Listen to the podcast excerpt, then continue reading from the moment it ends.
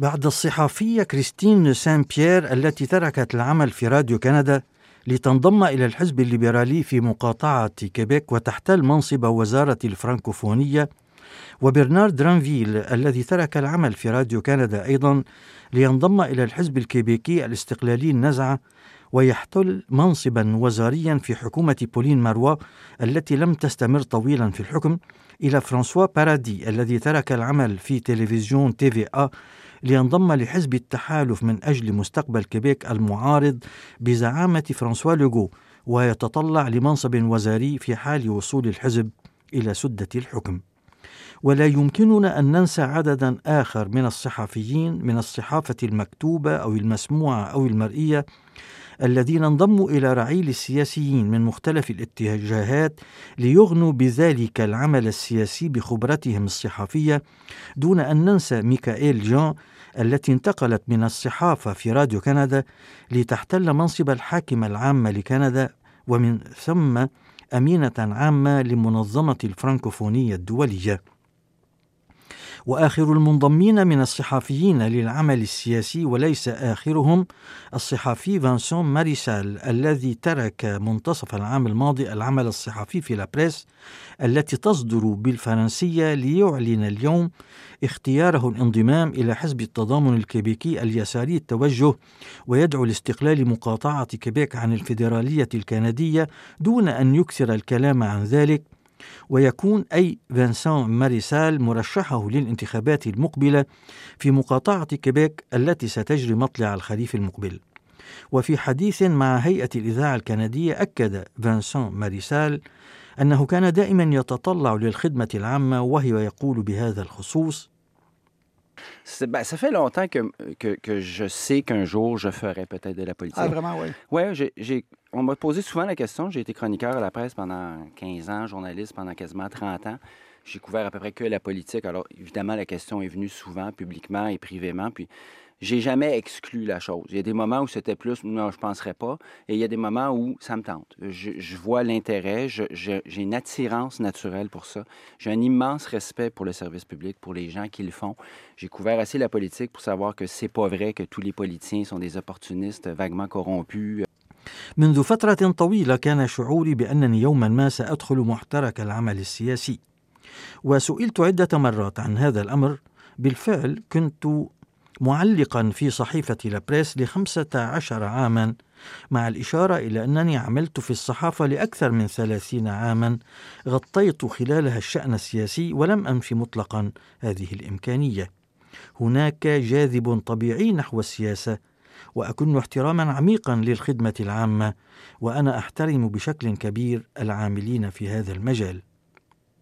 وحول اهتمامه بالعمل السياسي رغم ما يقال عن هذا الوسط الموصوف غالبا بالفساد والرشوة يرد ماريسال بالقول Pas vrai, l'immense majorité des élus sont des gens très bien, très droits, qui travaillent très fort. Ouais. Euh, puis on ne va pas là non plus pour faire du fric. Là. Ça, c'est très connu. J'aurais pu rester euh, dans mon ancienne profession ou celle que j'occupais maintenant.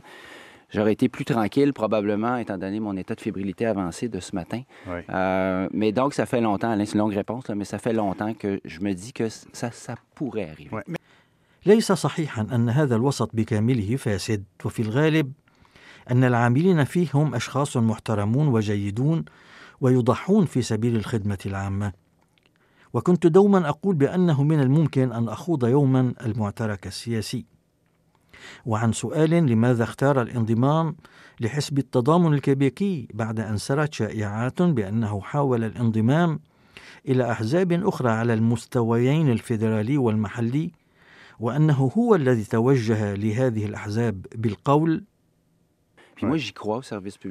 Je crois qu'on peut changer des choses. Je crois qu'il faut porter un message aussi. En ce moment, ça tangue pas mal à droite. Hein? Oui. Puis moi, je suis pas à droite. Alors, j'ai décidé d'y aller. Pourquoi Québec solidaire? Parce que justement, c'est là que je me reconnais le plus.